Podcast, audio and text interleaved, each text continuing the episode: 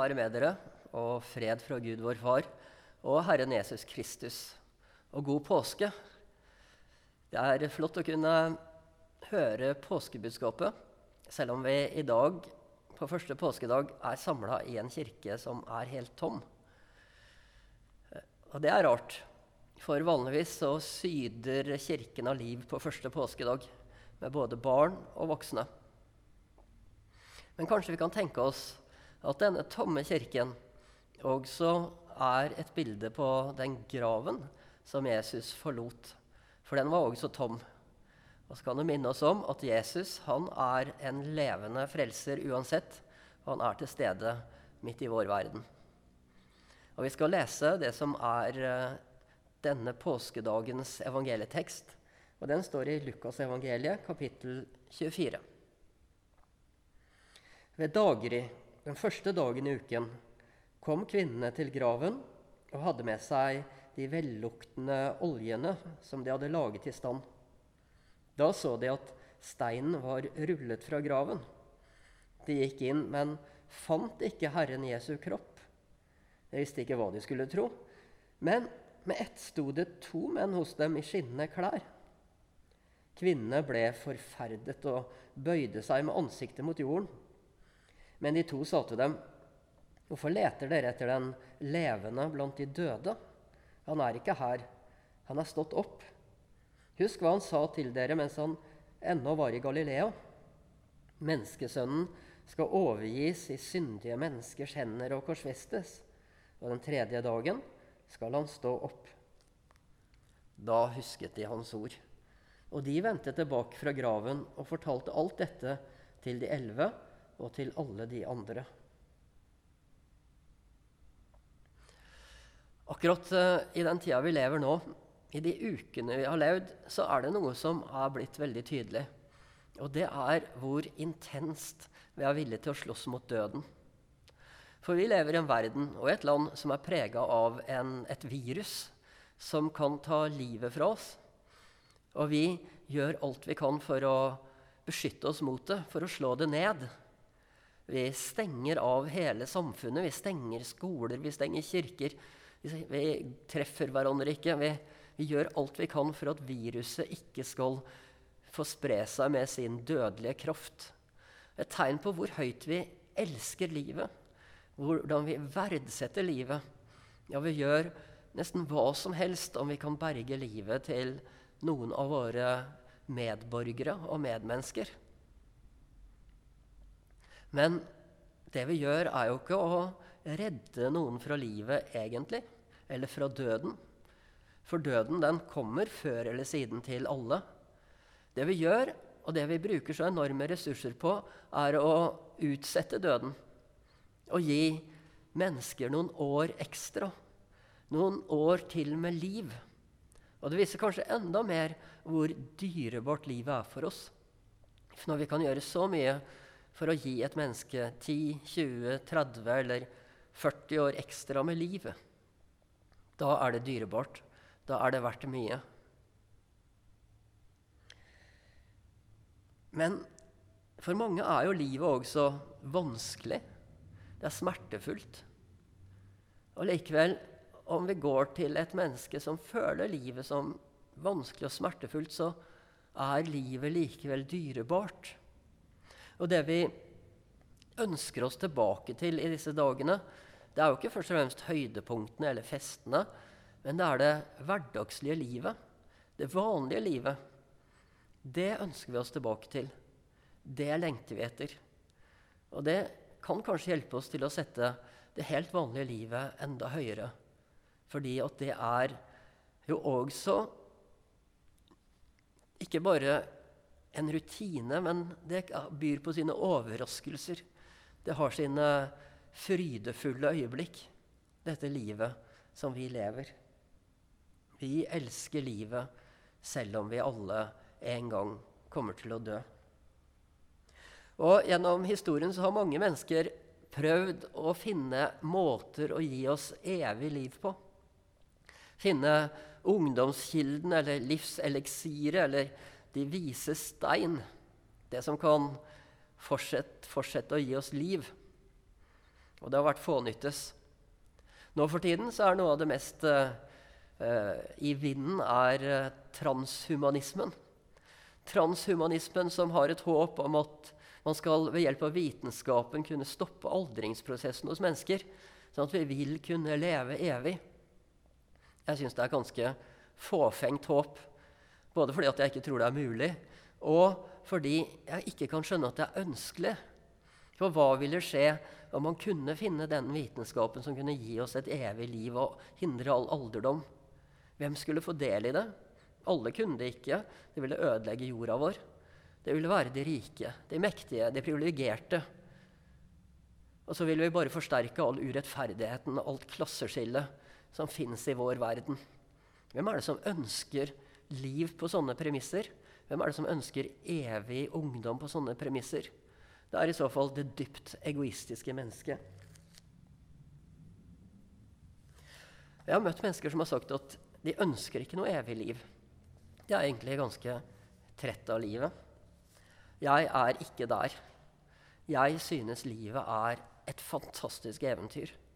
Jeg synes livet er den største gaven jeg har fått, eller vi alle har fått. Livet er premisset for alt. Livet er et, en gledesfylt erfaring vi får lov til å ta del i. Jeg ønsker å leve videre. Men jeg ser samtidig at dette livets fortsettelse kan ikke være for enhver pris. Det må ha noe annet innhold. Og det er her Jesu oppstandelse kommer inn, som kaster inn noe helt nytt. Som er den som overvinner døden, men som gjør det for å skape en bedre framtid for alle mennesker. Mulighetene for det evige liv, men ikke det evige liv i urettferdighet, i smerte, men et evig liv i en verden der det onde er borte. Der alt det destruktive vi bærer med oss, er tøyla. Der rettferdigheten skal rå. Der skrikene og smerten skal stumme, bli forstummet. Det store eventyret skal fortsette. Evangeliene forteller om at kvinnene kom til graven og fant den tom. Og Det som er utrolig viktig å fortelle for evangelistene, det er at denne tomme graven den handla om noe helt fysisk. Man trodde ikke på en åndelig oppstandelse. Man trodde ikke på at oppstandelsen var noe som skjedde i hjertene eller i en slags åndelig verden, eller som gjenferd. Det er viktig for dem å fortelle historien om Jesus som oppstår med en kropp. Så når han kommer til dem bak lukkede dører, så spør han om å få noe å spise. Og de ser på at han spiser. Og han gjør det for å vise at han ikke er et spøkelse, ikke er et gjenferd, ikke er ånd, men han er kropp. Han er et, et menneske som er stått opp. Og En av de flotteste historiene den er historien om Thomas som får møte Jesus etter oppstandelsen. Thomas var en skeptiker, og jeg tror Jesus er ganske glad i skeptikere. De som ikke går på enhver historie. Og Thomas han gikk ikke på historien om at Jesus var stått opp fra de døde. Snarere tvert imot. Han sa at hvis jeg ikke får se naglemerkene hans, hvis jeg ikke får se såret i siden, så vil ikke jeg tro. Og Neste gang de var sammen, så var Thomas der òg. Og Jesus kom igjen til disiplene sine, og han sier til Thomas, 'Kom her, Thomas.' Og så får Thomas stikke fingeren inn i såret i siden på Jesus. Denne scenen den er fantastisk brakt til live av maleren Caravaggio. Og det er så livaktig hvordan han her tegner opp, maler fram, denne skepsisen som lyser i øynene og pannene til de som står der for å se på. Og Thomas som strekker fingeren fram og stikker den inn i dette såret som Jesus åpner opp for ham. Et fantastisk bilde på at Jesus er stått opp med kropp. Vi tror på en fysisk oppstandelse, en legemlig oppstandelse. Og dette peker framover mot hva som er hensikten med hele vårt skaperverk. Hva Gud vil gjøre. Han ønsker å gjenskape, sier Bibelen. Nyskape jorden med all dens herlighet. Nyskape det livet vi er skapt til å leve. Oppstandelsen ikke som en åndelig oppstandelse, men som en kroppslig oppstandelse til det evige liv. Vi er skapt som mennesker med kropp. Og det er dette oppstandelsen vitner om for oss. At dette eventyret som vi allerede har fått del i, dette livet, det skal få utspille seg videre. Bare at vi skal kunne legge av oss alt det som ødelegger, alt det som destruerer. All elendigheten, all smerten, all synden som både kommer innenfra oss selv, og som kommer til oss utenfra. Vi skal få lov til å gå gjennom den døren som Jesus slår opp ved sin oppstandelse, og gå inn i det nye landet, det nyskapte landet, jorden det store eventyret. Og det ønsker jeg å være en del av. Ta imot Herrens velsignelse. Herren velsigne deg og bevare deg. Herren la sitt ansikt lyse over deg og være deg nådig.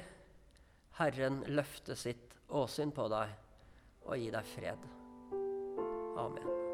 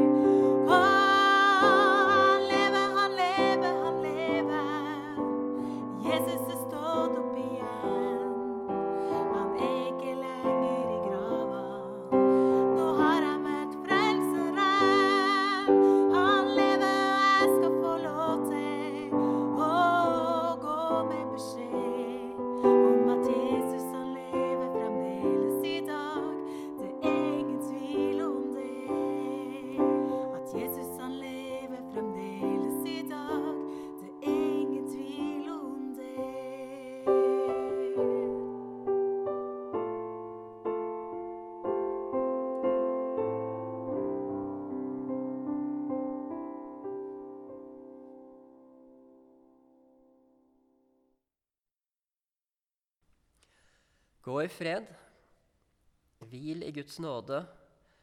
Tjen Gud og medmennesker med glede. Og fortsatt god påske.